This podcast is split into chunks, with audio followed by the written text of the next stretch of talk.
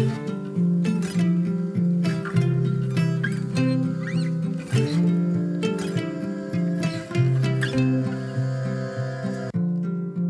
och välkommen till For Health med Anna Sparre. Idag blir det intervju med författaren och hälsopionjären Peter Wilhelmsson. Och äntligen ett avsnitt med fokus på de små ämnena i kosten. Vitaminer, mineraler, tillskott, fytonäringsämnen, nitrat och mycket mer. Om du gillar den här intervjun så blir jag jätteglad om du vill dela med dig av den på Facebook, Instagram eller till en vän. Det gör det lättare för mig att få hit intressanta intervjupersoner. Tack på förhand! Glöm inte heller att boka mig som föreläsare till ditt event. Jag föreläser både för företag, föreningar och privata grupper. Och är du nyfiken efter avsnittet så hittar du mer information på forhealth.se. Jag påminner också dig som inte redan gjort det. Gå in och lämna ett betyg eller en recension i iTunes eller i din podcastapp. Tänk på att även om du redan prenumererar på podden så behöver du söka fram podcasten för att lämna ett betyg. Det vill säga, du gör inte det under mina podcaster, de du prenumererar på, utan du söker fram podden på nytt i din telefon med hjälp av sökfunktionen. Och där kan du välja recensioner och lämna ett betyg eller en recension. Jätteviktigt för poddens överlevnad och stort tack till alla er som tagit er tid att göra det. Till exempel Therese Norman som skriver i iTunes Toppenpodd! Denna podd är mycket lärande och gör det enkelt att bli uppdaterad på allt vad gäller hälsa. Själv älskar jag bitarna om tarmen, kost och träning. Även intervjuerna är underbara. Det är perfekt format och jag är så glad att du tar fram det senaste inom hälsa och återger på ett enkelt sätt. Orkar själv inte ta del av all ny forskning, men är väldigt intresserad. Så podden är guld värd. Hoppas du kan fortsätta jag har berättat för många om den. Tack Anna! Tack Therese! Trots att näringsmedicinaren Peter Wilhelmsson har skrivit hela 12 svenska hälsoböcker och är en av Sveriges mest välkända profiler inom området naturmedicin och hälsa, så tror jag inte att alla ni som lyssnar känner till honom. Men Peter är en riktig hälsopionjär och troligen den första i Sverige att börja prata om funktionsmedicin. Peter har skrivit böcker om bland annat näringsmedicin och candida. Han har utbildat massor med terapeuter och har dessutom hunnit grunda näringsmedicinska företag som IFM-kliniken och Alpha Plus. Ni kan se fram emot spännande information om de små ämnena i kosten från Peter idag. Nu ska vi prata med Peter.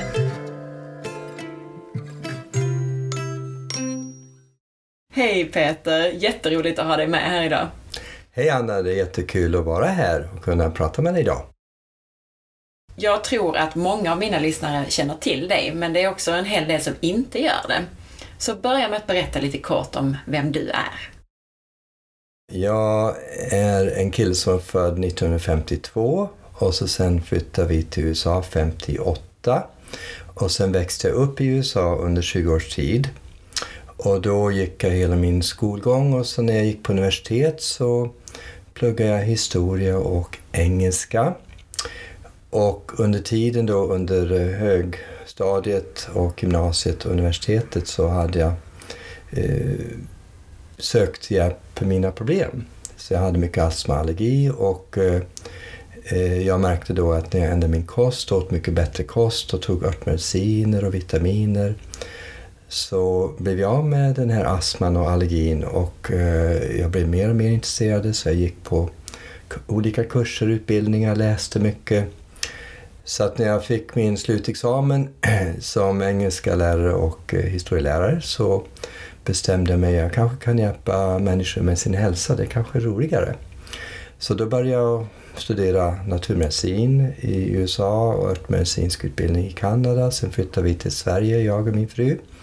Och så uh, studerade jag vidare då. Jag tog eh, massage på Axelsson och sen pluggade jag naturläkarutbildning i Tyskland och jag pluggade eh, sakrokraniell utbildning i England. Så att jag vidareutvecklade mig och eh, startade min klinisk eh, ja, verksamhet kan man säga, där jag tog emot patienter i eh, Borås faktiskt 1979.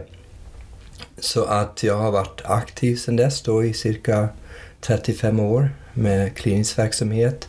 Jag hade alltid en dröm att ha en hälsohem så att jag jobbade på ett hälsohem som heter Strandgården och flyttade upp till Dalarna då eh, på mitten av 80-talet. Så från 85 till 95 då jobbade jag på och ägde ett hälsohem som heter Strandgården där vi hade vegankost och vi hade alla möjliga reningskurer och fastekurer så jag fick lära mig jättemycket genom att jag hade de här försökskaninerna som kom och var där en eller två veckor. Så att eh, vi, eh, jag fick lära mig jättemycket med, med det så det var en fantastisk resa. Och så sen då under det här ehm, um, 80-talet, början av 80-talet så kände jag, ja, ja, det är nog bra om jag kan eh, specialisera mig. Och då fanns det så många som jobbade med akupunktur och homeopati så att jag tänkte, ja, jag ska inte göra så mycket av det som kanske att eh, utveckla näring och örtmedicinen mera för att jag såg att det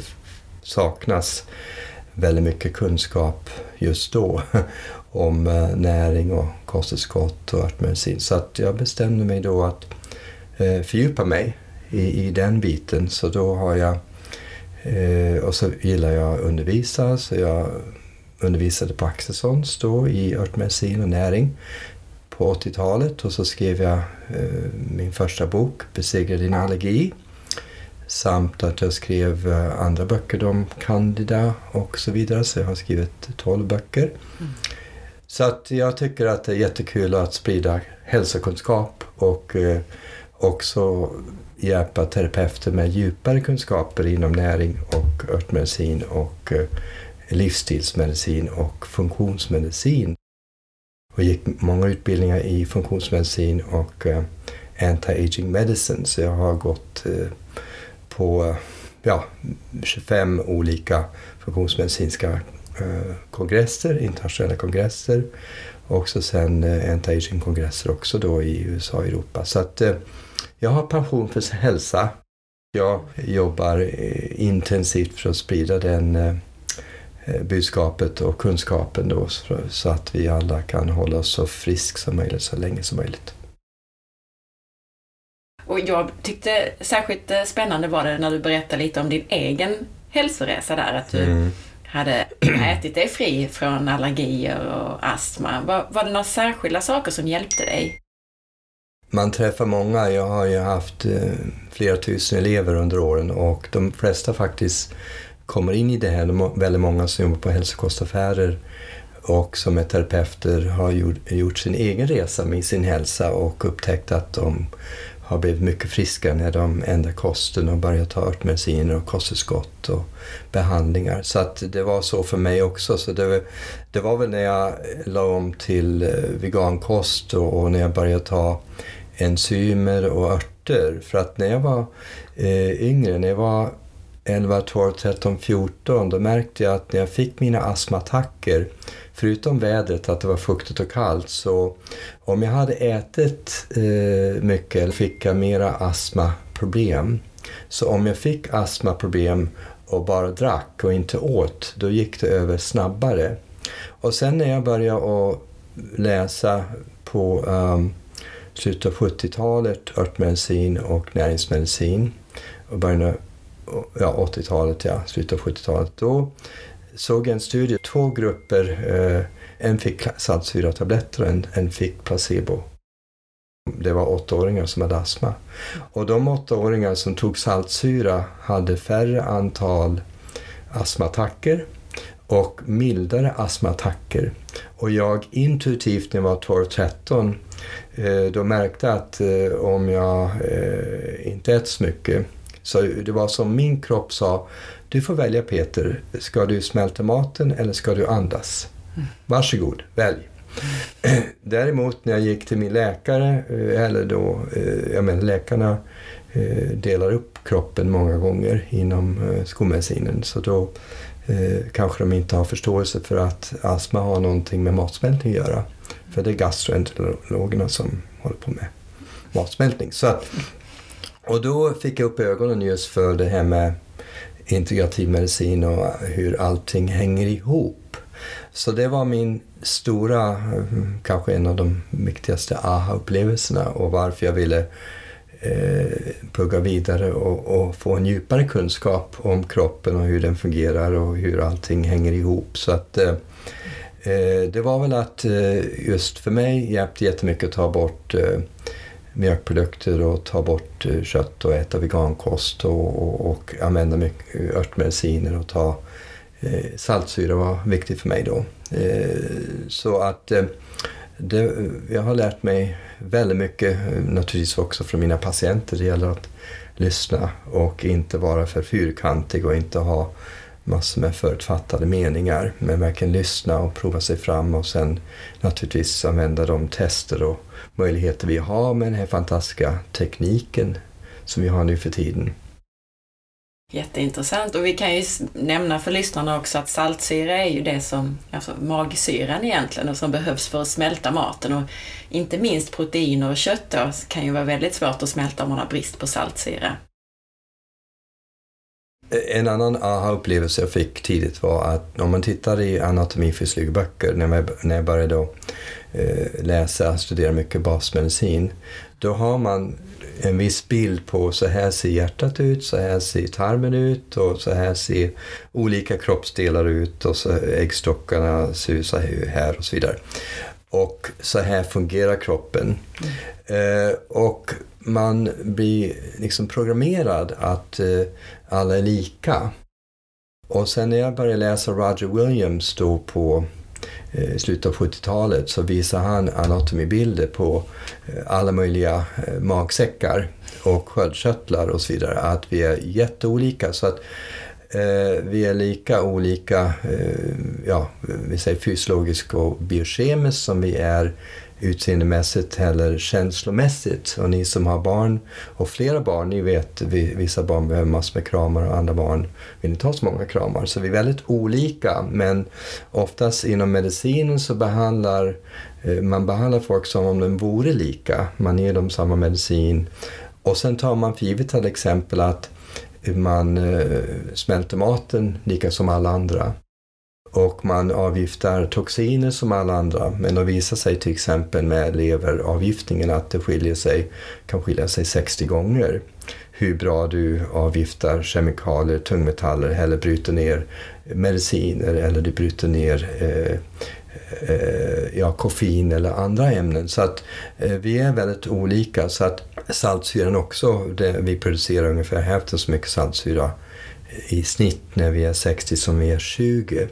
Så många tar det för givet att matsmältningen fungerar bara för att eh, eh det står i, i, en bok att det ska produceras så och så mycket saltsyra. Eh, och så väldigt många är inte så medvetna och har inte så mycket kontakt med sin kropp så att de tänker inte på att när de blir äldre att de kanske behöver förstärka sin eh, matsmältning och jobba med sin matsmältning och, många äldre undviker lök eller paprika eller olika födoämnen. Inte för att de är allergiska, men för att de har en svagare matsmältning. Och då tycker jag det är bättre att man förstärker sin matsmältning och äter varierat istället för att minska och undvika mer och mera saker. Mm. För, då, för variationen i kosten är en av de viktigaste sakerna för att eh, eh, få en, en, en bra näringsbalans i kroppen. Du nämnde ju vegankost några gånger också. Äter du vegankost idag eller äter du annorlunda nu? Ja, jag äter nog i alla fall 90 eh, plus procent vegankost. Jag, eh, jag äter lite fisk, kanske en gång i veckan, en eller två gånger i veckan. Eh, jag äter nog lite fil, jag äter nog lite smör. Men i det stora hela så mår jag bäst av vegankost. Jag märkte när jag var i 40-årsåldern, jag var ganska strikt vegan.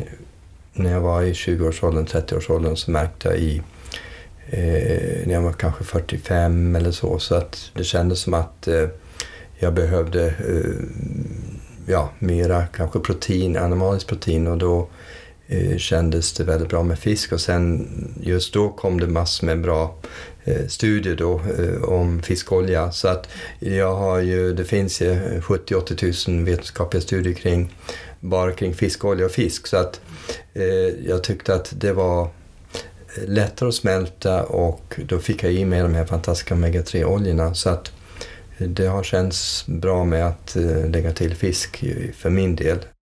Och sen har jag tagit fiskolja då sedan dess också. Men fiskproteinet passar mig. Mm. Sen var jag också allergisk mot eh, kyckling. Va? Eh, och sen känns det tungt och jag har inte känt att jag behöver äta kött. Jag har ju tränat hela mitt liv och varit jättefrisk. Jag har inte, haft, jag har inte varit borta från jobbet på 40 år. Så att jag, jag tycker att jag sköter mig ganska bra. Äter väldigt bra, tränar mycket, äter mycket kosttillskott. Är väldigt positiv, har en fantastisk fru och familj och mycket kärlek runt omkring mig. En bra miljö, jag bor ute på landet i en vacker svensk miljö. Så jag, har, jag är väldigt tacksam, jag har, jag har det väldigt bra. Men jag försöker att styra och skapa hälsa hela tiden också så att det, eh, det kommer inte automatiskt. Nej, precis, precis. Äter du ägg också förresten?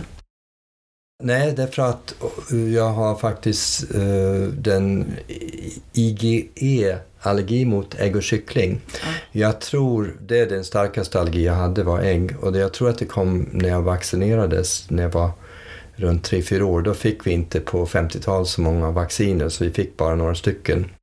Men eh, min mamma sa i alla fall eh, att jag inte hade eh, problem med ägg eh, och sen plötsligt så hade jag problem med ägg när jag var 3-4. Eh, och eh, jag tror att genom att äggprotein finns i många vacciner, om man eh, ett barn som kanske har just då ett väldigt lågt immunförsvar eller de har svårt att hantera vaccinet så kan deras immunförsvar då misstänka att eh, det här äggproteinet är ett stort hot och så kan man programmera immunförsvaret då att eh, vara aggressiv mot ägg. Så jag tror att det är det som hände med mig när jag var 3-4 år. För jag, jag, jag klarade ägg innan dess. Så att jag tror att det, det, är det enda som gjorde att jag började ha problem med ägg. Och sen har jag lite milda problem med, med gluten, gluten och vete men jag, jag kan äta lite grann eh, och jag kan dricka liksom öl lite då och då men, men eh, jag mår bättre om jag undviker gluten. Sen har jag tagit antikroppstestar eh, mot, mot eh, alla möjliga sädesprodukter och gluten och sådär. Så att jag har en lite mild, mild, eh, milda reaktioner mot det men inte starka. I min värld så är du mikronutrientmannen. Jag har sagt till dig tidigare att jag kom i kontakt med det du gör första gången när jag läste näringsmedicinska uppslagsboken som du har skrivit. Och jag läste den från pärm till pärm och där har varje litet mineral och varje vitamin har ett eget kapitel. Så för en hälsonörd som mig så var det himmelriket. och jag tänkte apropå det att vi skulle prata lite om de här små ämnena i kosten. För den som inte är så insatt i, i det här, vitaminer och mineraler, går det att berätta lite generellt vad de kan ha för funktioner i kroppen? Ja, jag tror man kan likna mineralerna mera som aminosyror, att det är liksom grundmaterial som kroppen använder för att eh, bygga saker och ting. Som de flesta kanske känner till så håret till exempel, det behöver vi, vi behöver ha protein Eh, och aminosyror för att ha frisk hår. Men vi behöver också vissa mineraler som, är, som kisel till exempel är väldigt bra eh, specifik för håret. Och sen har man andra mineraler som eh, magnesium som finns överallt och finns mera i vissa...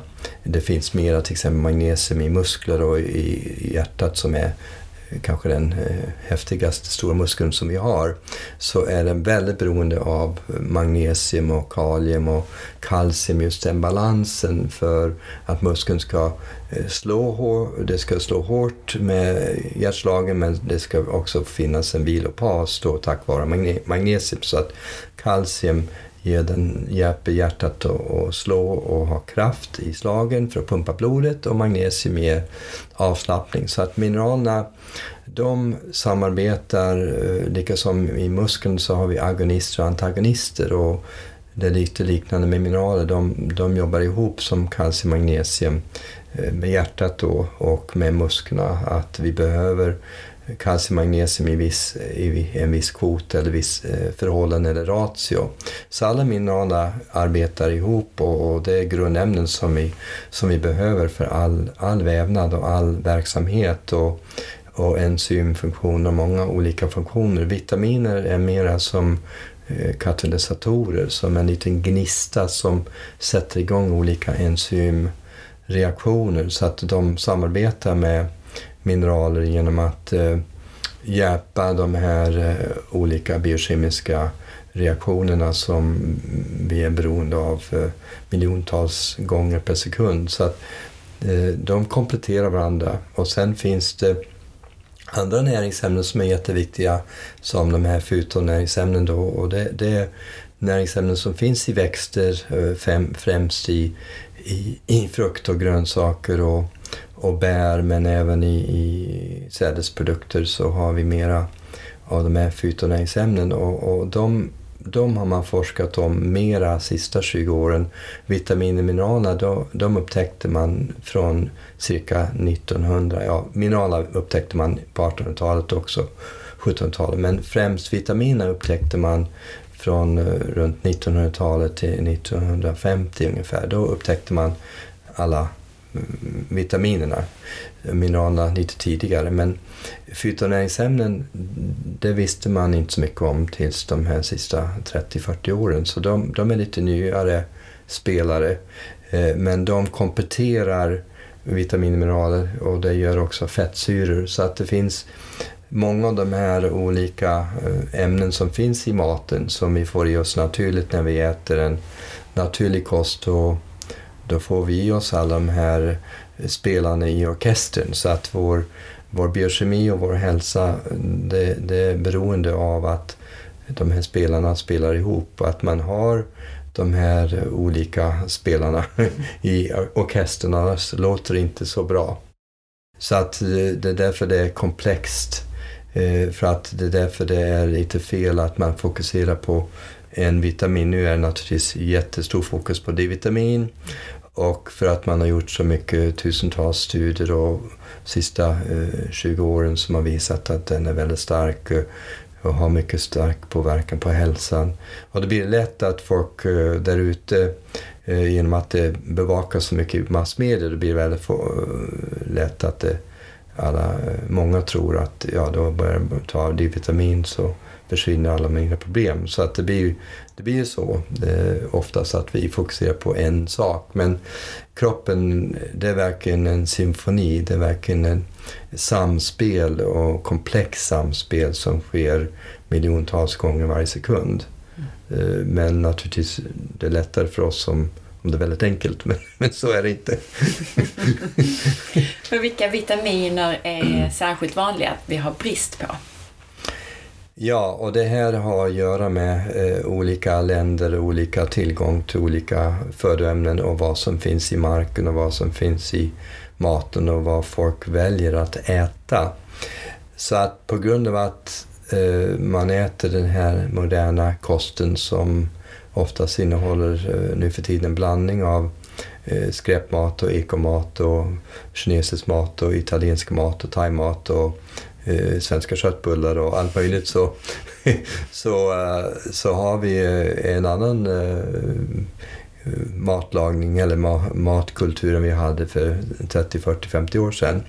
Men det är väldigt vanligt, vi har tittat på tusentals hårmineralanalyser och då ser man då i cirka 90 procent så har vi väldigt ofta Eh, låg magnesium. Vad det gäller vitaminer, som mineral är magnesium en av de vanligaste vitaminerna så eh, har vi eh, eh oftast problem med eh, B-vitaminerna med eh, för låga mängder av C-vitamin och D-vitamin och eh, ja, egentligen de flesta vitaminer, E-vitamin också, K-vitamin. Så att de flesta har ju för lite av de flesta vitaminerna, eh, för de flesta äter inte eh, Eh, då en optimal kost och vi fick nyss eh, bekräftelse eh, av vad jag har sagt under alla år att, att alla behöver ta kosttillskott för att vi har inte rätt vi väljer inte rätt kost. Och det var en artikel här från Matens pris intervju på P1 den 18 januari som också en den 24 januari där man eh, återigen eh, repeterar att ungefär två av tio äter minst fem portioner frukt och grönsaker. Jag eh, rekommenderar att man ska ta minst tio portioner frukt och grönsaker. Så att fem är ungefär som att gå ut eh, på vintern i kallingar och bh. Ja visst, man har kläder på sig. Men eh, man kanske eh, skönare om man har jacka och lite mer kläder. Så att, eh, att ha bikini på vintern kanske hjälper lite grann men det räcker inte till. Så att jag tycker att den, de studier jag har tittat på och böcker och de kurser jag gått på visar att på grund av att vi har tungmetaller och kemikalier, 80 000 cirka kemikalier och brottas med massor med tungmetaller från amalgamfyllningar och från eh, Eh, marken och jordbruket och allt möjliga källor. Och så sen har vi wifi och sen har vi stress. Vi har massor med utmaningar. Och hur kroppen handskas med stress och utmaningar, tungmetaller, kemikalier och så vidare. Den använder C-vitamin, den använder B-vitaminer, eh, aminosyror och så vidare. Så att vår kropp, oavsett om du får psykisk, psykologisk stress, stress från tungmetaller, eh, stress från eh, att springa maraton. Oavsett vilken typ av stress du får så finns det en stresshanteringssystem eh, som, ja, en förenkling av det är HPA-axis och HPT-axis. Det är alltså en feedback loop från hjärnan till binjurarna eller från hjärnan till sköldkörteln. Den är beroende av att vi har bra med B-vitaminer, magnesium och C-vitamin. Vår avgiftning av kemikalier och tungmetaller är beroende av att vi har rejält med eh, antioxidanter, fytokem fytokemikalier, vitaminer, mineraler och näringsämnen. Så att, att få tillräckligt med vitaminer, mineraler för att inte få skörbjugg eller en bristsjukdom, det är en sak. Och då, det, det där de baserar fem portioner på. Mm. Men att ha minst 10 portioner gör att du har en större sannolikhet att du kan eh, skydda dig från stress och från kemikalier, miljögifter och mycket annat. Så att, plus att, som jag sa tidigare, även om man från Livsmedelsverkets håll eh, tycker att man behöver inte eh, kosttillskott så länge man äter enligt deras rekommendationer. Eh, många av oss ifrågasätter deras rekommendationer. Men även om och, och, och, nu har vi läst här, eh, sett då, eh, återigen att det är bara två av tio som gör det i alla fall. Mm. Så att vad händer med de här åtta av tio? Eh, och när jag anser att eh, de här två av tio äter för dåligt och för lite i alla fall, så då min erfarenhet att eh, över 90 procent av svenskarna eh, äter eh, kanske Eh, suboptimalt eller de, de är inte tillräckligt noggrant. Men den goda nyheten är att idag så sa de att eh, ICA har ökat eh, ekoförsäljning 2015 med 50 procent. Så att det finns en väldigt positiv stark, eh, stark trend och att ekomat har visat sig innehålla mera näringsämnen. Så naturligtvis är jag väldigt glad och, och positiv för den här starka hälsotrenden och ekotrenden. Men även om folk skulle över natt börja äta fantastiskt mycket positivt så har de redan under hela eh, tiden innan dess eh, fått i sig för lite och, och eh, det är en fördel att fylla på med extra eh, näringsämnen och vitaminmineraler anser jag. Hur är det då? Du nämner ju grönsaker och frukter som, som bra källor för vitaminer bland annat. Men jag tänker mer specifikt så nämnde du att eh, magnesium är en vanlig brist. Magnesiumbrist. Hur får man i sig magnesium bäst? Ja, magnesium och en del B-vitaminer som folsyra och sen kalium också. Eh, det får man eh, mest genom att äta grönsaker, frukt, nötter och bär. Det finns inte så mycket i, i kött. Eh, man får ju andra saker i kött. Man får mer zink till exempel. Så många som äter vegankost eller vegetarianer de har tendens att ha låg zink. Eh, eh, däremot de som eh, inte äter mycket grönsaker och frukt och bär de har ju tendens att få för lite kalium och för lite magnesium och, och, och B-vitaminer och C-vitamin. Så att om man äter en väldigt begränsad kost så ofta så ser man eh, att eh, vissa näringsämnen får man för lite av. Men om man tittar på modern kost jämfört med en hälsosam kost, oavsett om hälsosamma kosten innehåller om det är vegan eller vegetarisk eller medelhavskost eller paleokost.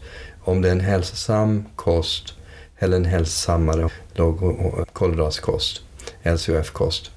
Eh, om man äter en hälsa, hälsosam kost som innehåller massor med växtämnen eh, och inte saltar för mycket och inte äter processad mat, då har man en, en hög ratio eller kvot mellan eh, kalium och, och, natrium. Om man äter mycket skräpmat och restaurangmat och mikromat och mycket kött och inte eh, balanserar det med grönsaker och frukt och bär, då har man Eh, låg, lågt med kalium och högt med natrium. Då har man, kanske äter man 12 till 15 gram natrium och så äter man bara 3-4 gram kalium.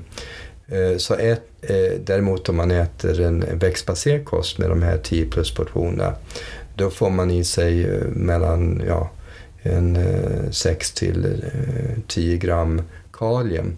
Och sen om man inte äter processad mat så kanske man Eh, får 3-4, mellan 2 och 4 gram natrium. Så att det är en av de stora skillnader och, eh, eh då mellan att äta en växtbaserad kost eh, och att äta en skräpmatskost. Skräpmatskost gör att du får mer hjärt och kärlsjukdomar. Dels på grund av att du får för lite av de här jätteviktiga näringsämnen. Plus att du skapar den här obalansen till exempel för, som ökar blodtrycks eh, och hjärt och kärlsjukdomar för att du får i dig för mycket natrium i förhållande till magnesium och, och kalium. Samma sak med skelettet, du får för mycket kalcium i förhållande till magnesium. Eh, så att det är de här näringsbalanserna mm. som påverkas också då av den här kosten som du äter eller inte äter. Mm. Mer specifikt, vad, vad händer i kroppen när man får en sån obalans? Att man får för mycket natrium i förhållande till kalium och magnesium till exempel? Ja, så att eh, då har man eh, resurserna för att eh, hålla igång, skapa eller hålla igång viktiga eh, funktioner. Om vi tar till exempel, eh, för gubbarnas skull, så pratar vi lite om prostatan. Så Zink lagras, vissa mineraler som jag pratade om tidigare med magnesium. Kalcium finns väldigt, väldigt mycket i skelettet men det finns i övriga delar av kroppen också. Magnesium finns i blodkärlen och finns i hjärtat och finns i skelettet lite överallt. Men det finns mera magnesium i bindväven och därför är det lite mer förknippat med kramp. Och det finns mera eh, i hjärtat då Eh, men eh, zink finns eh, lagrat lite extra mycket i prostatan. Så att om man har om man äter, om man får i sig lite för lite zink och det är minst 80-90% som får i sig för lite zink. Då är det väldigt många gubbar när de kommer upp i 50, 60, 70 års åldern som får en för stor prostata och måste upp och pinka på, på nätterna och sådär. Och det kommer inte över en natt. Det kommer successivt, troligtvis som en del orsak att de har ätit för lite zink under 40, 50, 60 år. Och kanske också en annan sak som påverkar är fettsyrorna. För att man ser inte det här problemet med eh, prostataförstoring eh, i, i kanske andra kulturer och de som har eh, en eh, bra zinkstatus under sin livstid. Så att små, små funktioner successivt eh, blir sämre. Så att så småningom senare så börjar man få symptom eller kroniska sjukdomar. Det är samma sak med tungmetaller på andra sidan, att, att vi har en ackumulering av tungmetaller man känner inte eh, som eh, tandhygienist eh, symptom kanske från att det finns eh, kvicksilver i mottagningen när man jobbar mellan 20 och 30 år. Men sen kanske senare när man är 45, 50, 55 år så har man sämre minne än sina andra släktingar eller andra runt omkring. Man, man tappar nycklar, man har lite sämre minne. Så det som är nytt så att den här lilla ackumuleringen av kvicksilver som ökar oxidativ stress, som ökar information, som bryter ner hjärnan mm. så att du får sämre minne. Det, alltså effekterna av att du har för mycket tungmetaller, kemikalier eller du har för låg mineraler det kan komma 20, 30, 40 år senare. När man är 20-årsåldern så är man odödlig och då känner man av ingenting. Sen skördar man senare då när man är uppe i 40-50-årsåldern och så många av er som idrottar och tränar jättemycket, ni vet det här också, ni tål mycket stryk, mer stryk när ni är i 20-årsåldern. Och sen om ni försöker göra samma sak när ni är 60 så kanske man eh, får lättare skada om, när, om man åker ut och spelar hockey när man är 60 så Eh, är lite, eh, man måste vara lite mer försiktig kanske när man är 20.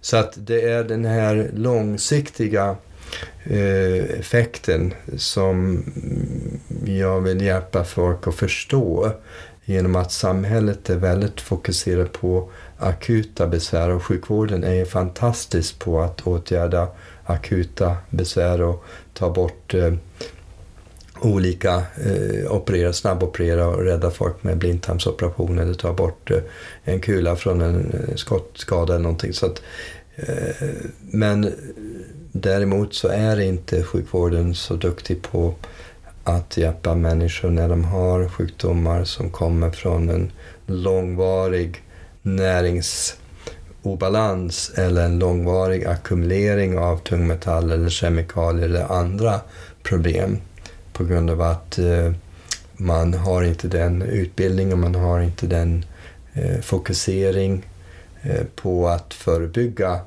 sjukdomar när man blir äldre. Precis. Du nämnde ju också, vi pratade vitaminer och mineraler, så nämnde du fytokemikalier eller fytonäringsämnen. Berätta för lyssnarna vad det är för någonting och vad de har för funktion. Fytonäringsämnen då som man också tog upp i den här näringen och grönsakerna från 18 januari på, på P1 Matens pris. Och det, sa, det var en, en, en eh, undersökning från eh, Stockholms universitet där en, en eh, docent som heter Siamak Hagdust som är gruppledare för det här försöket. Och det visade sig att när man tog en av de här fytokemikalierna, eh, lykopen, som har studerats väldigt mycket, just den, det är det här röda ämnet. Många av de här fytokemikalier är pigmentämnen som ni känner till, karotin från eh, morötter och, och, och, och, som finns i, i jamsrot och andra orangea eh, frukter och bär och grönsaker. Det ämnet, pigmentämnet då som är orange förknippar vi med hälsa genom eh, karoteniderna. Och karoteniderna, beta-karoten, den, det var den första kan man säga fytokemikalie som man eh, forskade om och, och för att det fungerar som en förstadie till A-vitamin. Men sen har man eh, forskat mycket om andra fytonäringsämnen. Många av de här pigmentämnen som den här röda färgen i rödbetor eller den här eh, röda färg, en annan röd färg i lykopen som finns i tomater och i vattenmelon och i andra röda eh, frukt och grönsaker och sådär. Så lykopenet som finns i tomatjuice, när de drack två deciliter tomatjuice varje dag, de här cyklisterna, man gjorde en test eh, före och efter man hade druckit två deciliter under tre veckor. Då såg man att dels så hade man en bättre prestation efter tre veckor. De, den gruppen som drack uh, tomatjuicekoncentrat med massor med lykopen. Och så sen när man gjorde analyser så såg man att lykopenet hjälper att skydda från DNA-skador. Så lykopenet och andra eh, fytonäringsämnen som zeaxantin och lutin. Zeaxantin och lutin är två närings, fytonäringsämnen som är extra skyddande för ögonen. Så att, Var finns de? I vilka? Ja, de finns eh, mycket i, i olika, eh, främst i gröna grönsaker. Eh, så att när vi utarmar, när, som den här rapport visade och, och, och, och gjorde väldigt tydligt var att moderna samhället prioriterar eh, livsmedel som, som är billiga och som ser fräscha ut. Men den prioriterar inte näringstätheten eller närings, att det finns massor med näring. Så att eh, bönderna, eh, livsmedelsaffärerna, eh, de här livsmedelskedjorna, de har inte en, eh, en stark vision och handlingskraft och se till att vi får näringsrik mat. Deras, deras uppgift anser de är att leverera billig, billig mat. Eh, och då, de, då tar de inte sitt ansvar vad det gäller näringsvärdet. Och konsumenterna, eh, de vet inte eh, vad som finns i de här sakerna. Så man har analyserat till exempel i, eh, i George Washington, Georgetown University i Washington DC, broccoli. Man plockade broccoli från många olika affärer och så analyserar man fytonäringsämnen i dem och det är svavelbärande ämnen i de som är extra bra för att avgifta kroppen och skydda oss från cancer. Då, då såg man när man tog eh, fräscha eh, broccoli så var det tio gångers skillnad om näringsinnehåll från affär till affär. Det är därför hela dietistbranschen och, och hela fokus på, på de här tabellerna det är väldigt ungefärligt. Man ska ta det med en nypa salt. För bara för att det står att uh, morötter innehåller si och så.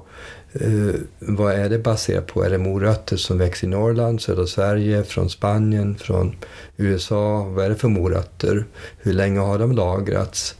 Uh, och vad är det för näring i marken just för de morötterna? Så därför, det har varit för mycket övertro på näringstabeller, lika som jag sa med kroppen. Bara för att man ser en bild på en tarm i en anatomibok betyder inte när de gör en eh, röntgen eller en eh, ultraljud att du kommer ha en tarm som ser precis ut som den boken. Så att du säger till, att du blir besviken med läkaren när han visar bilden. Men min tarm, den ser inte ut som den här tarmen som finns i boken. Det måste vara något fel. så att vi, det, det, är ungefär så som uh, jag har upplevt att folk har haft en övertro för de här näringstabellerna för att de tror att alla morötter innehåller si och så, alla apelsiner innehåller si och så mm. mycket C-vitamin. Så om de plockar en apelsin uh, i Spanien direkt, som är mogen mm. och äter den uh, precis då då är det mycket, mycket mer näring än att plockas grönt och skickas runt och lagas länge. Och samma sak om jag vill uppmuntra alla er som har möjlighet, om ni har en liten trädgård och odlar själv och ni som har gjort det, ni känner skillnad på att uh, odla tomater, plocka upp det, ta in det i huset och skära det och äta det då. Så att därför är det också en till, en till anledning varför vi behöver använda superfoods. Och, och, och superfoods innehåller oftast mycket närings, eh, säga näringsämnen eller fytokemikalier eller fytonäringsämnen. Det är de här pigmenten, det är polyfenoler, det är olika vaxliknande ämnen som heter växtsteroler. Det är det de laddar becell med. Becell sänker kolesterol, inte för att man får äta margarin, men för att de laddar margarinet med en växtsterol som liknar då, som påverkar kolesterol. Så att den här växtsterolen då eh, kan man också mm, sätta i kapslar eller tabletter. Eller de sätter det kanske i någon annan mjölkprodukt eller i margarin. Så det är typiskt en, en sån här fytonäringsämnen, det här som man har i, i margarin då. Eh, så att det inte själva margarinet, det är bara att de laddar margarinet med det här växtämnet. Så det kan vara pigmentämnen, det kan vara garv, ja, sådana andra ämnen då som finns i växter som gör att det finns en besk smak eller som, som gör att det finns en annan typ av smak på växterna. Mm. Så det är massor med olika ämnen som inte är vitaminmineraler men som man upptäcker har olika funktioner. Många av dem är så kallade fenoler och polyfenoler och är väldigt starka antioxidanter så de, de har en synergieffekt med C-vitamin och E-vitamin och andra antioxidanter då, så de samarbetar som en orkester igen. Vitaminerna, fytonäringsämnen, de eh, antioxidanterna som vi pratade om tidigare med lykopen som en antioxidant som hjälper i det, det finns mycket studier kring att det förebygger bröstcancer, det förebygger hjärt och kärlsjukdomar, det förebygger eh, prostatacancer. Så i Italien, när man, de områden där man äter mycket eh, tomatsås, där är mindre prostataproblem, det är mindre bröstcancer, det är mindre hjärt och kärlproblem. Så, så att eh, fytonäringsämnen är jättevärdefulla och det är därför det är så bra att vi kan, även om det minskar eh, i modern kost mycket av de här näringsämnena, då kan vi komplettera med greensdrycker eller med att göra smoothies och slänga i massor med eh, frukt eller bärpulver. Eller man, man helst plockar eller köper massor med bär på sommaren, ha det i frysen och så sen lägger man in det i sin smoothie eller har det med på gröten. Då, då för de här bären som vi har en fantastisk skatt i Sverige med massor bär, de innehåller massor med fytonäringsämnen och massor med antioxidanter och de, de växer gratis överallt. Så att de, och, och 95 procent av bären, trots att det är så många som plockar bär som jag förstår, så 95 procent faller till marken och försvinner. Så att Eh, det är en fantastisk eh, guldgruva vi har i Sverige med, med blåbär och alla våra fantastiska bär. Om vi kunde ta vara på dem och använda dem dagligen så skulle vi minska våra sjukvårdskostnader en hel del. Så att det här med smoothie-trenden tycker jag är fantastiskt bra.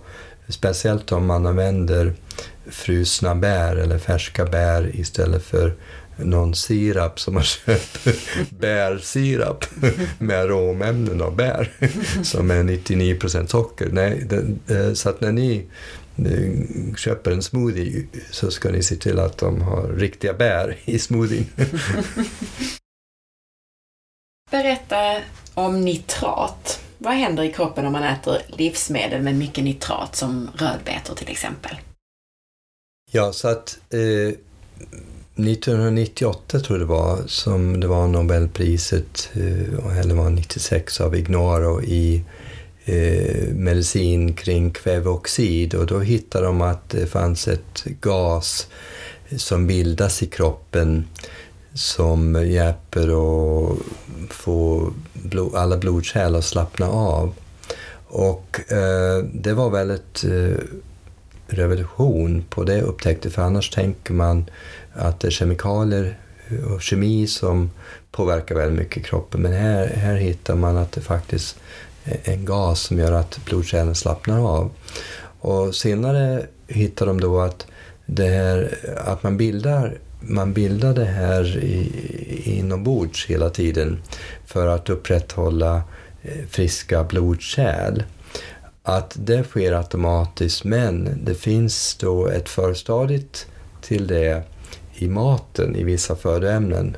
Och nitrater då som finns i maten, i, främst i, i grönsaker och, och, och bär eh, och vissa örter. Så många av de här eh, örtmedicinerna i Kina som använder för hjärt och kärlsjukdomar, eh, de har ju, och även i västerlandet så använder man mycket hag hagtorn. Till exempel hagtorn är en av de viktigaste örtmedicinerna för olika typer av hjärtrytmstörningar och hjärt och kärlproblem.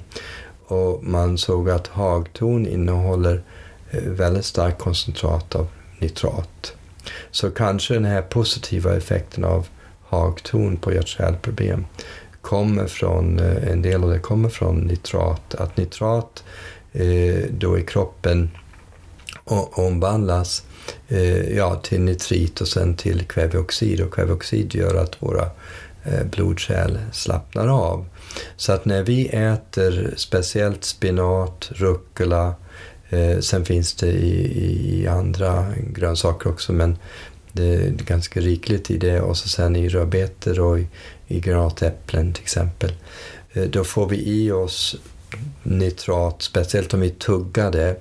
För att det blandas med saliven och sen omvandlas det i flera olika steg men det börjar i, Eh, med saliven. Så att eh, det, det, är inte lönsamt att, bara svälja en kapsel med rödbetor eller en kapsel med rödbetsjuice eller granatäppeljuice eller rucola eller spenatjuice.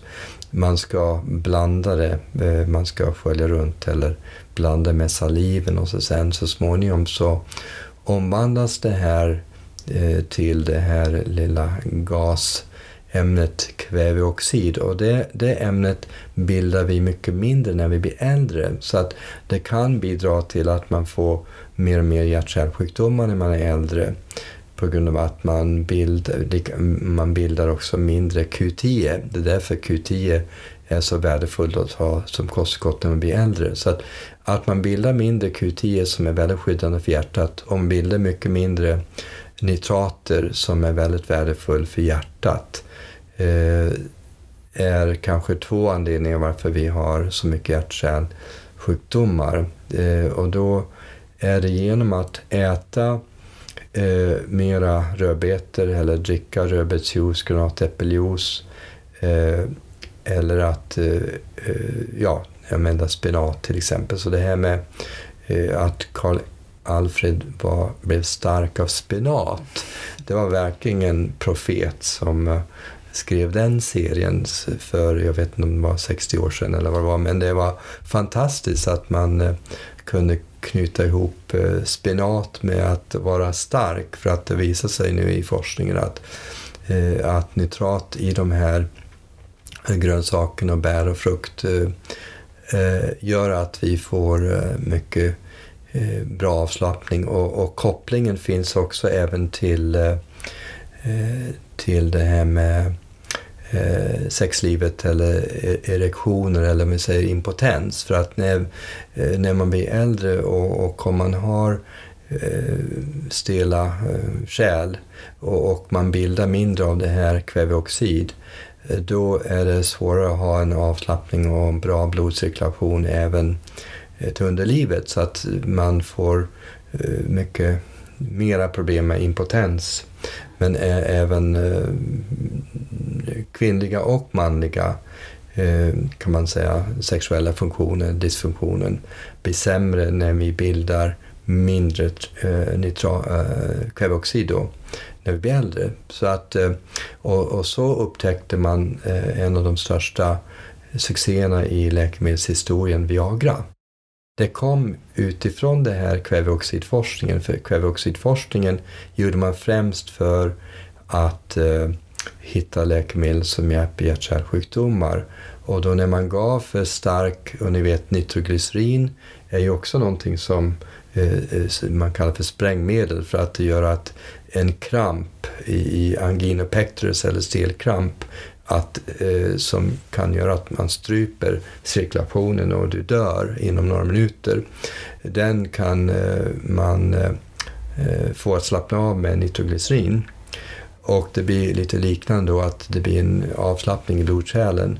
Och då fann man att i den här, de här forskningarna att när man gav för starka mängder av, av eh, det här läkemedlet som skapade avslappning att man fick som en biverkning stånd hos killarna. Så att de gick omkring och hade stånd.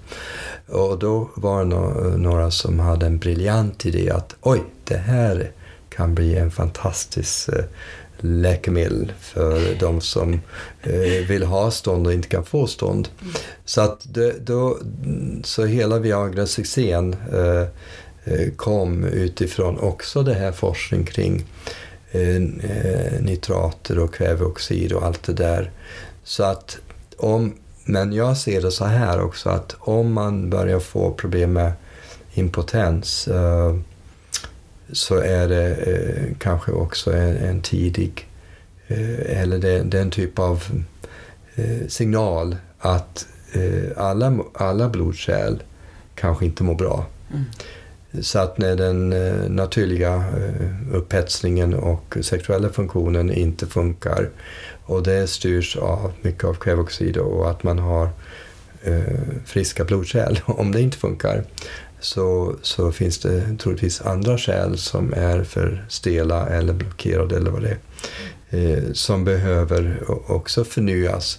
Så att rödbetor till exempel har visat sig i studier med sänka högt blodtryck. Och det är via den här mekanismen att, att man sänker högt blodtryck mellan kanske 6 eh, till 10 eh, slag. Inte att det sänker från 150 till 130 men det kanske sänker från 150 till 140 om man eh, tar eh, tillskott eller dricker rödbetsjuice och, och grantäppeljuice under några månader. Så sänker, genom att man förnyar eller föryngrar eh, sina blodkärl och att det blir en avslappning i blodkärlen. Så det är det som också gör att jag vill att ni äter minst 10 portioner frukt och grönsaker för jag vill att ni ska ha eh, yngre kärl och avslappnad kärl. Och det kan man få genom att eh, få i sig eh, Eh, en väldigt stor sallad varje dag som innehåller olika gröna blad och speciellt eh, att ni har med spenat eller rucola. Och så sen genom att eh, man kan gärna ha i smoothien eller ha i salladen. Jag älskar att ha granatäpplekärnor. Det, det verkligen gör att salladen får en fantastiskt god smak. Så att granatäpplejuice, granatäpplekärnor, eh, rödbetor, rödbetsjuice Eh, och de här gröna grönsakerna är ett fantastiskt sätt att eh, förebygga hjärtkärlbesvär och besvär och ha en, en eh, även en bättre idrottsprestation. För när man har avslappnade kärl så får man mera syresättning till muskelcellerna. Så då kan muskelcellerna producera energi lite snabbare. Så därför finns det många bra studier och intresse kring rödbetsjuice och idrottsprestationer på grund av att eh, idrottare de fokuserar på sina tider och sin träning.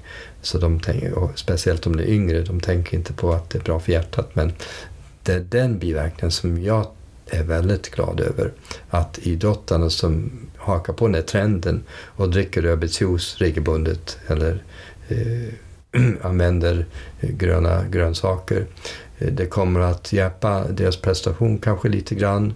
Eh, men det viktigaste är att eh, långsiktigt så kommer de ha en bättre hjärt-kärlhälsa. Det är ännu viktigare än att man sänker sin personliga bästa tid med, med några sekunder, några minuter. Så att det är den verkan jag tycker är häftigt. Vi fick en lyssnarfråga nämligen också på just det här med, med nitrat. Och då var egentligen frågan vad skillnaden var mellan att äta nitrat från grönsaker och sen finns det ju konserveringsmedel som är nitriter eh, som, som har visat sig vara cancerframkallande, E250, E251 och 152. Och hon undrade då, vad, vad är skillnaden egentligen? Det ena är nyttigt och det andra är inte. Ja, nu är det så att det, det beror mycket på dels på tarmfloran. Eh, eh, så att eh, nitriter, om man har felaktig tarmflora och speciellt om man äter konserverade eh, köttpålägg eh, Eh, och om man har för lite grönsaker, frukt och sådär, eh, då kan det bli att de här nitriten eh, bildar nitrosamin som är cancerframkallande. Det är också man får när man grillar kött. Till exempel det svarta som Eh, som folk på sommaren vill, ja jag vill grilla, grilla, grilla, man blir grilla tokig. Eh, och då, då äter man det här lilla svarta och det, det också bildar liknande ämnen då, att det är starka oxidativa ämnen som bildas i tarmen som kan öka eh, koloncancerrisken. Men om man har en väldigt bra tarmflora och äter mycket fibrer och har kortkedjade fettsyror som smörsyra eh, till exempel, då skyddas det från det här nitritet eh, i köttet. Men många gånger de som köper det här pålägg och äter mycket sådana här färdiga pålägg, Eh, de kanske inte äter de här tio portionerna frukt och grönsaker som jag rekommenderar. Men om man gör det så tycker jag inte det är något problem om man äter det lite då och då. För att det inte är det är, eh, kan man säga, vanorna som påverkar din hälsa. Om du äter eh, lite kalkonskiva med lite nitriter i en gång i veckan så spelar det inte så mycket roll. Men om vi tar den andra frågan, del av frågan, nitraterna från grönsakerna. Dels så finns det en, en biokemisk eh, eh, kan man säga flera stegs raket som sker när vi bildar det här kväveoxid och det här steg från nitrat till nitrit och sen kväveoxid. Och, och, vi kan ju bilda det här också från arginin och citrulin, till exempel två aminosyror. Och då om vi tar en del, eh, nu har vi sett preparat på handen för att öka, eh, för att motarbeta impotens eller ge eh, då en, den här Viagra-effekten genom att man tar höga doser arginin. Och då kan kroppen använda arginin för att bilda eh, kväveoxid och då med hjälp av citrullin. Citrullin gör att kväveoxid eh, hjälper att bilda det men det stannar kvar lite längre i kroppen av citrullin. Men om det bildas sen eh, nitrit som är, eh, som är farlig kan man säga eh, och sen en, eh, en oxidativt ämne som heter per, eh, peroxynitrit. Det är den som är farlig. Eh, det har att göra med eh, lite genetiska faktorer med hur man kopplar olika molekylstrukturer fram och tillbaka och det har med din tarmflora, det har med din antioxidantstatus. Så att om man till exempel äter de här kalkonskivorna med nitrit och samtidigt eh, äter fytonäringsämnen eller E-vitamin eller antioxidanter eller till exempel eh, astaxantin eller vindruvkärnextrakt. Om man äter antioxidanter samtidigt då hindrar man att det bildas de här nitrosaminerna. Så att därför är det som jag sa tidigare en symfoni. Det är, det är minimal eh, skada eh, eh, om, även om man får i sig de här konserveringsmedlen om man samtidigt får i sig eh, mycket bär och frukt och grönsaker eller olika antioxidantvitaminer genom att vissa personer har genetisk avvikelse som gör att de har lättare att bilda det här onda ämnet peroxinitrit.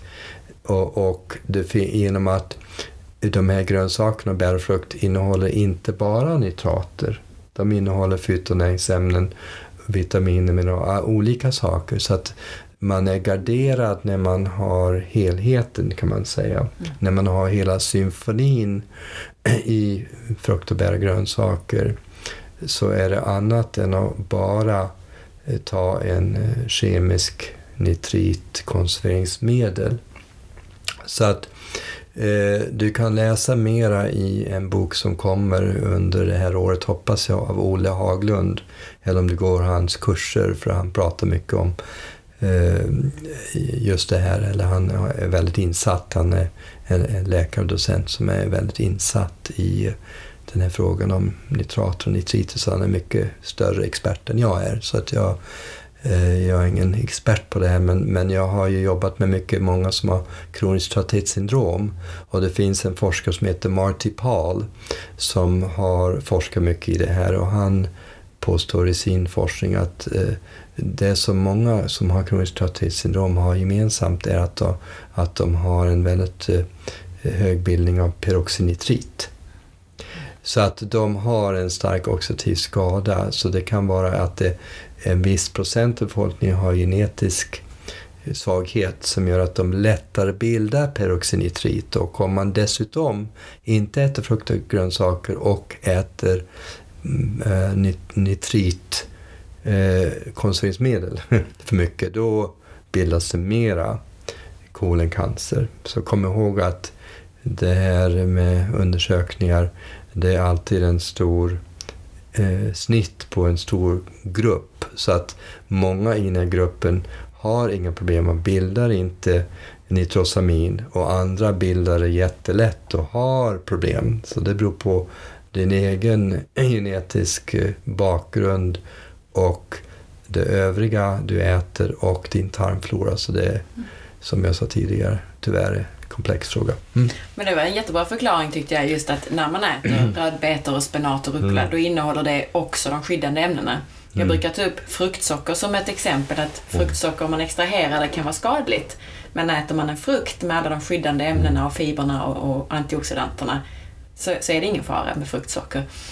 Så eh, jag tyckte det var en liknande... Jättebra. Ja, det är liknande koncept. Va? Precis. Så därför ska eh, växtbaserad näring och, om man tar tillskott eller superpuss eller vad som helst så, så är grundplattan, grunden för allting eh, inom näring är att man äter en väldigt växtbaserad och väldigt stor variation med, med, med bra och naturliga råvaror. Och du har ju haft tillskott uppe på tal. Mm. Vilka tillskott behöver i stort sett alla ta? Och nu pratar jag, många av lyssnarna här äter en ganska näringsrik kost, lite paleo, alltså lite med mycket växter mm. och ägg och fisk och så vidare. Men vilka, vilka tillskott behöver alla ta? Ja, då? så att om jag inte har möjlighet att göra massor med tester och jag bara träffar någon i, på hissen, mm. så jag har, har bara 43 sekunder. och, och då är det väldigt svårt att göra fel. Mina grundläggande plattor som jag tycker alla ska ta är att man tar en stark multivitaminmineralpreparat. Man tar eh, någon typ av superfoods greens, till exempel pulver som innehåller kanske chlorella, spirulina, vetegräs, korngräs. Det innehåller olika typer av... Varför tar jag greens? Ja, det är för att eh, det finns så mycket fytonäringsämnen och klorofyll eh, i, i, i just dem och det kanske inte finns i, i mycket av många av de livsmedel vi äter. Så greens innehåller det här som inte multivitamin innehåller för multivitaminmineraler innehåller bara en begränsad mängd av vad som finns i, i, i de här eh, grönsakerna och i, i maten. Va? Och så sen fiskolja, eller om man är vegan så får man liksom ta kanske hampolja eller infraolja eller annat. Men helst fiskolja eller kryllolja eller någon typ av omega-3 tillskott på grund av att eh, de flesta äter inte, eh, det är svårt att hitta eh, fisk som är ren och eh, de flesta äter inte gräskött, de äter kött men mm. inte gräskött som är omega-3-rik. Och det finns så många studier som visar att omega-3 skyddar så många sjukdomar och ger en naturlig eh, kan man säga, blodförtunning. Och så sen har vi då uh, det här med D-vitamin genom att vi bor här uppe. Om inte ni åker en vecka varje månad till Mallorca eh, så eh, tycker jag att alla ska äta, eh, se till att de får i sig eh, D-vitamin som oftast i högre doser än, än finns i multivitaminmineral. Och magnesium. Så D-vitamin, magnesium, eh, fiskolja, greenspulver och en stark och, och bra multivitaminmineral. Och då, då, då gäller det att ta fyra eller sex tabletter kapslar om dagen. För att om du tar bara en tablett, om du köper någonting på hälsokost eller apoteket och du tar bara en om dagen. Det kommer innehålla så lite av allting, för det är kanske 30-40 olika grejer, så du får för lite. Om, om du har en burk hemma och du tar bara en eller två om dagen så så då får du för lite i dig. Om du ska få 30-40 saker. För om du ska bara få i dig kalcium, extra kalcium som eh, du kanske vill få i dig eh, 600-800 000 milligram kalcium. Det kommer att ta två tabletter bara för att få i sig kalcium på 800 milligram. Därför, och, eh, därför behövs det de här 4-6 tabletterna för att det är inte bra att få i sig bara en milligram av B6 och en milligram av B1 och B2 eller två milligram. Man, man behöver få i sig mera. Så att en stark optimal multivitaminmineral, eh, greenspulver eh, eller greens och bärpulver, eh, sen omega-3 fettsyror, extra D och extra magnesium. Mm. Det tycker jag är jättebra eh, för eh, vem som helst. Det är väldigt svårt att göra fel och jag har ju haft så många eh, mentorer och lärare och, och, och, gått på så många kurser och läst så mycket. Så att det är min sammanfattning av, av mina studier om jag ska rekommendera till vem som helst. Och det är väldigt svårt att göra fel om man följer det receptet tycker jag. En lyssnare som heter Simona, hon undrade när och hur ska man ta tillskott av vitaminer och mineraler för bästa upptag? Ja, man oftast tar det med maten, eh, före, under eller efter maten. Så under efter maten kan man ta det. Och så sen är det vissa som eh, är kanske bättre att, ta på kvällen. Jag oftast rekommenderar att man tar kalcium magnesium på kvällen för att absorption är bättre under natten.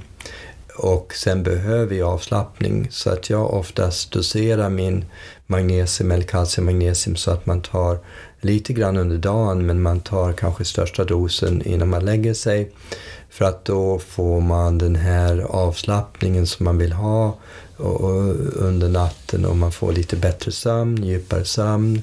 Upptaget är väldigt bra. Så att eh, det är väl de två mineraler som jag tycker är viktiga. Sen finns det vissa som upptaget blir lite bättre om man separerar, om man behöver vara jättenördig, men då kanske livet blir för komplicerat.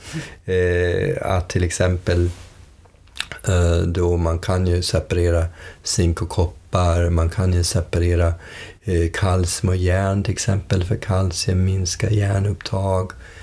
Men det kan bli för tungt och komplicerat om man gör så. För livet, det får inte bli en stress och ångest eller rädsla för att man uh, inte tar upp det. Mm. så att jag vill inte göra det för komplicerat heller, för det visar sig att det, det hjälper om man tar bra tillskott med, med måltiderna, om man tar med två, tre måltider. Men eh, om du vill ta ett steg vidare så kan du gärna ta lite extra kalcium och magnesium på kvällen. Och de här fettlösa vitaminerna, det kan man ta till exempel D-vitamin en gång varje 3, 4, 5 dagar om man vill. Eh, däremot vattenlösliga som B-vitaminer och C-vitamin, det är mycket bättre att sprida ut det för de är verksamma i 4-8 timmar, så sen avtar effekten. Så B-vitamin och C-vitamin, då är det väldigt bra om man kan ta frukost, lunch och middag. Men eh, D-vitamin, eh, eh, till exempel K-vitamin, E-vitamin, det spelar ingen större roll. Man kan ta mm, hela sin dosering en gång per dag. En annan lyssnarfråga är från Tina. Hon frågar på Facebook.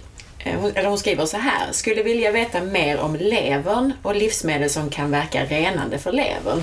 Jag äter SSRI-preparat, antidepressiva, och det rekommenderas att man kollar av sina levervärden då och då har hittills normala värden, dock åt det högre hållet. Finns det några livsmedel som kan hålla levern i balans så att den inte blir helt belastad? Ja, hej Tina. Det var en fråga om levern här. Så att eh, du kanske såg den här fantastiska filmen Supersize Me eh, som handlar om att eh, levernedsättning eller eh, fettlever. Eh, det märkte man när man åt, eh, en person åt eh, snabbmat tre gånger om dagen under flera veckor. Då märkte läkaren att de började få förhöjda levervärden. Så att många tror att man får nedsättning av levern eller fettlever av alkohol. De flesta säger ja men jag dricker inte alkohol eh, så jag har en bra lever. Men det kan man få av snabbmat och skräpmat också. Så att de här eh, friterade fetterna, eh, mättade, speciellt det här fleromättade fetter eller vegetabiliska oljor som är upphettade. Så upphettade oljor och skräpmat som finns oftast i snabbmat är ju någonting som Eh, gör att levern blir sämre och sämre. Och annars om man eh, äter bra mat och eh, inte dricker för mycket alkohol och, och sen om man har genetiska svagheter eller har haft lite problem med levern, man kanske har haft körtelfeber köttelfeber eller någonting annat som har gjort att levern är lite nedsatt. Då kan man förstärka levern regelbundet med att äta till exempel eh, ja, mera rödbetor, mera lök, mera äpplen.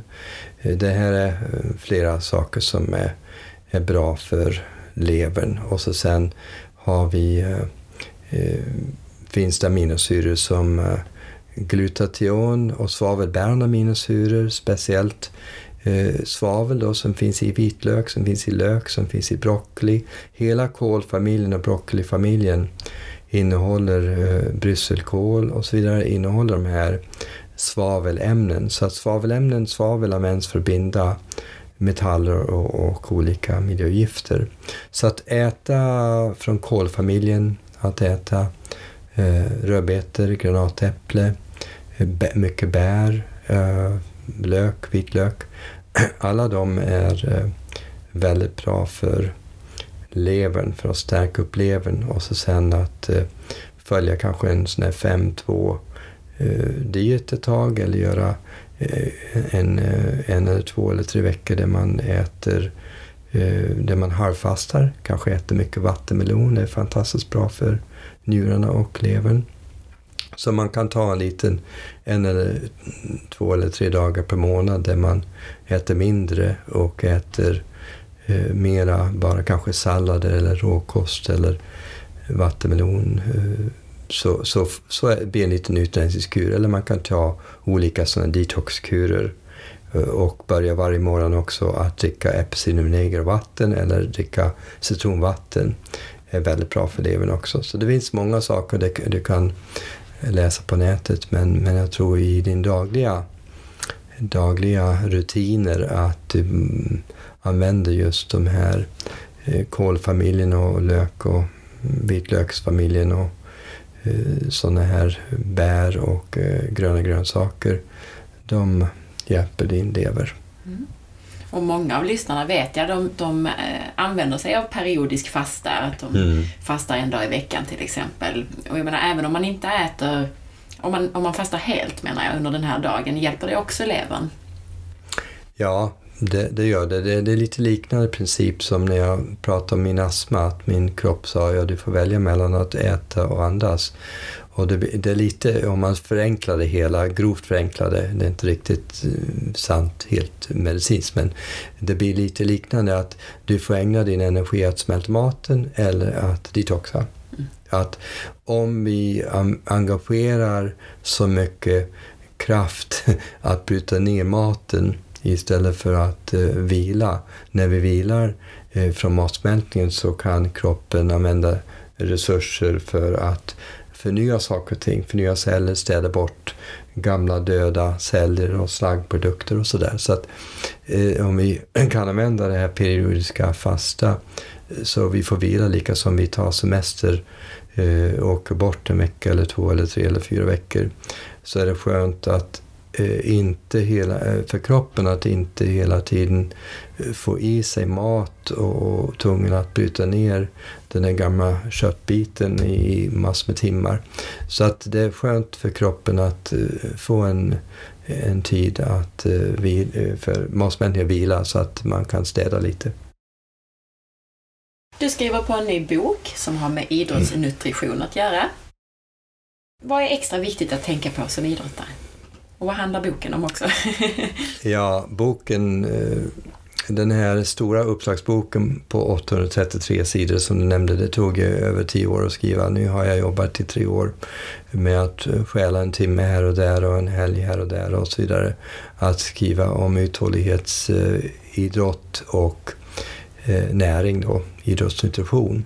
Så att det är 12 kapitel. Det blir väl cirka 500 sidor jag har hållit på att jobba med redigering nu så jag hoppas att det trycks eh, inför sommaren. Det är min högsta önskan.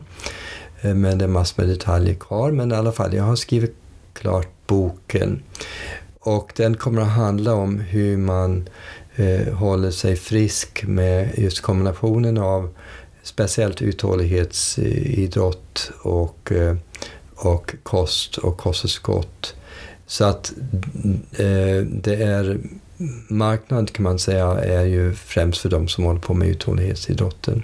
Men man kompletterar naturligtvis med styrketräning och flexibilitet och yoga och annat. Men det är mera fokus på just de som håller på eh, med lite längre distanser, inte sprinters. Så att det kan vara kanot, det kan vara cykel, det kan vara skidor, det kan vara löpning, det kan vara triathlon. Eh, men, eh, och då är det, min, min fokus är ju då hur man håller sig frisk under eh, hela sitt liv så man kan den sport eller den eh, olika typer av träning som man älskar, som man tycker om, som man mår bra av. Det vill jag att du ska kunna göra under 80, 90, 100 år.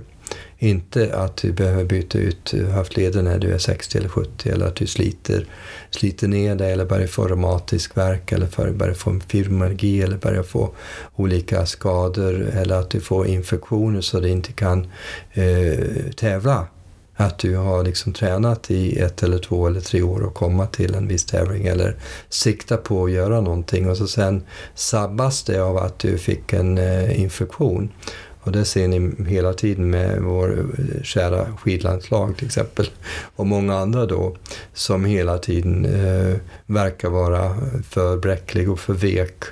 Som blir för lätt eh, får infektioner eller många idrottare får alldeles för, lätta, för lätt skador. Och tränarna, coacherna, jag har sett att det finns en sån brist på på eh, kunskap kring nutrition och hur man förebygger skador. Så att jag vill hjälpa människor att förebygga skador, infektioner och kroniska sjukdomar som kan också öka med om man tränar för mycket eller övertränar. Dels så är det väldigt många som eh, då får en kronisk trötthet eller en utmattning. De övertränar eller att de får Eh, till exempel eh, långdistanslöpare, långdistansidrottare får oftast en förstorad hjärta. Eller man får hjärtklaffel, eller man får hjärtrytmstörningar. Eller det, det är så mycket oxidativ stress så man får en ökad risk för cancer. Så det, jag vill att de här som härliga människor som älskar att vara ute och träna och må jättebra av träning, att de ska också ha en hälsa som gör att de kan träna livet ut. Det är min målsättning. Så då ger jag massor med tips eh, kring kost, kring kosttillskott, kring träning och hur man då förebygger skador och sjukdomar och infektioner. Så jag hoppas att det kommer att nå ut till många människor och kommer att hjälpa dem. Allt ifrån elit motionären, eh, elitidrottaren till eh, som alltså, sådana som jag som bara tycker om att springa lite eh, middagslopp eller halvmaraton eller maraton eller tycker om att åka Vasaloppet eller tycker om att cykla olika små lopp eller vad det är. Så att det är målsätt, målsättning med boken. Mm. Jag tänkte förutom det vi redan har pratat om här idag som var mm. egentligen för gemene man.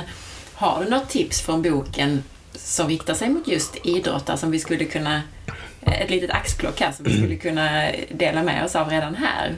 Vad som är särskilt viktigt för en idrottare. Ja, så det, det beror ju på lite vilka, vilka typer av uh, utmaningar man har med sin hälsa. Men om vi tar de här stora uh, områden som jag pratar med, infektioner, att infektioner kan sabba. Så att om, om man märker att, uh, jag har haft många skidåkare till exempel då, som märker att, att när de kanske tar bort gluten och mjölk och sen äter, som jag säger här, mera grönt och mera bär och mera antioxidanter som finns i de här eh, grönsakerna och bär. Eh, att eh, och sen tar och ser till att de får mm, ta höga doser D-vitamin och öka sin C-vitamin och ta, ta sina kosttillskott och eh, fiskolja. Den här näringsgrunden som jag gav vad det gäller maten och kosttillskotten. Sen finns det naturligtvis om man blir om man äter mera vitlök och lök under vinterhalvåret till exempel och, och, och, om man börjar bli förkyld då, då tycker jag det är jätteviktigt att man inte mesar. Då är det eh, blitzkrig. Alltså då ska man inte ta eh, 500 milligram C-vitamin eller, eller ta en liten D-vitaminkapsel på 1000 eh, enheter. Då ska man ta jättestarka doser. Så att om du blir förkyld, ta massor, jättestora doser av D-vitamin och C-vitamin och vitamin C eller vitlök eller vad det är. Istället för att ta en eller två skifter om dagen så tar du tio skifter. Istället för att ta 500 milligram C-vitamin, ta gärna 1000 milligram varje timme tills du får lös mage. Eh, istället för att ta D-vitamin eh, 2000 enheter, ta 10 eller 15 eller 20 000 enheter. Så att när du börjar se att det kommer en förkylning eller influensa eller du drabbas av en virus, då eh, sparar du jättemycket tid och eh, bekymmer och, och lidande om du tacklar det hårt. Så det, det, det är någonting som jag har märkt att folk oftast mesar när de blir drabbad. Det är då man ska ta starka doser. Samma sak om du blir skadad.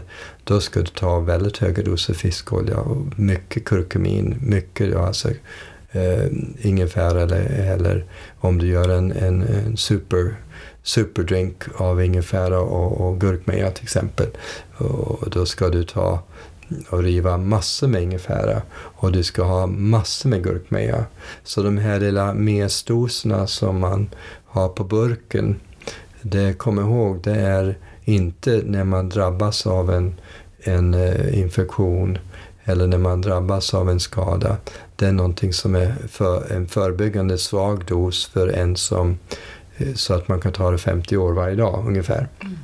Så att eh, ta starka doser av de här kosttillskotten eller gröna drycker eller smoothies eller eh, golden milk med eh, gurkmeja eller vad det är. När du börjar drabbas, lika som om du får en skada, sätt på is direkt. och, och isa varje 20 minuter. Och ta massor med eh, ingefära eller gurkmeja eller eh, proteolytiska enzymer eller C-vitamin. Mesa inte med det för att du sparar ju många dagar, kanske veckor om du eh, gör rätt saker första timmarna och första dagen. Så det är väl ett tips jag har där för infektioner och skador.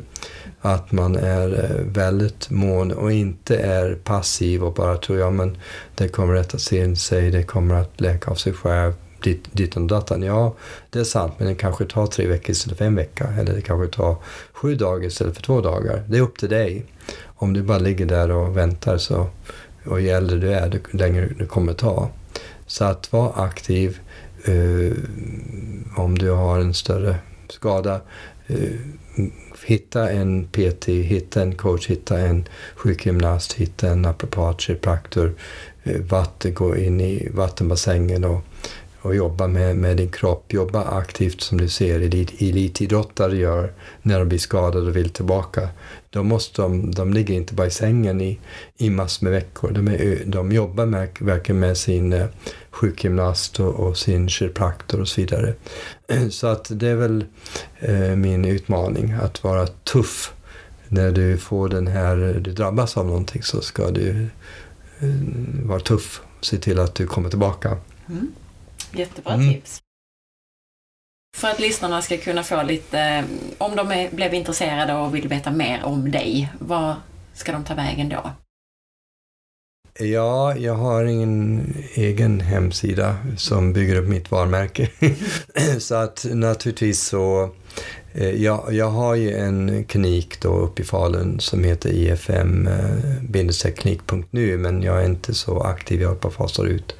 Och sen har jag ett eh, företag som heter Alpha Plus, kosttillskottsföretag.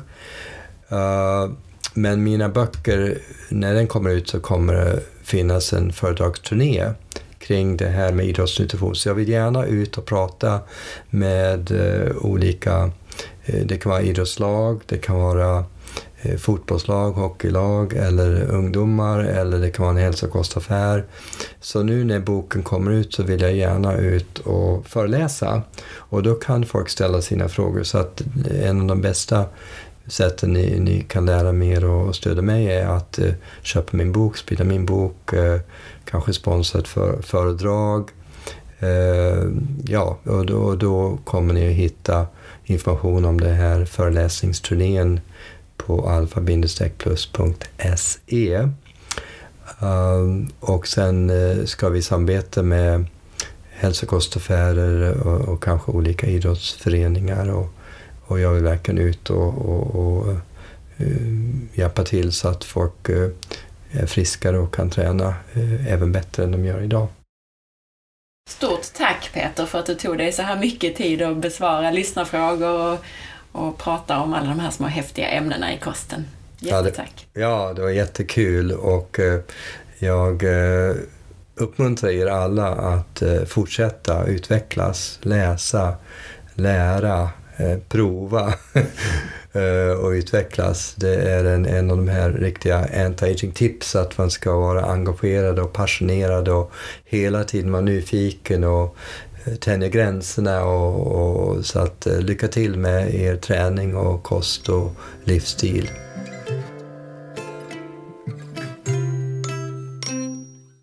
Tack för att du lyssnade. Jag hoppas att du gillade intervjun. Och om du gillade den, så glöm nu inte att dela med dig av det här avsnittet eller något annat som är ditt favoritavsnitt. Missa inte heller att följa med på facebook.com forhealth.se och på Instagram via signaturen asparre. Titta gärna in på bloggen på forhealth.se och ha en riktigt fin dag så hörs vi snart igen. Hejdå!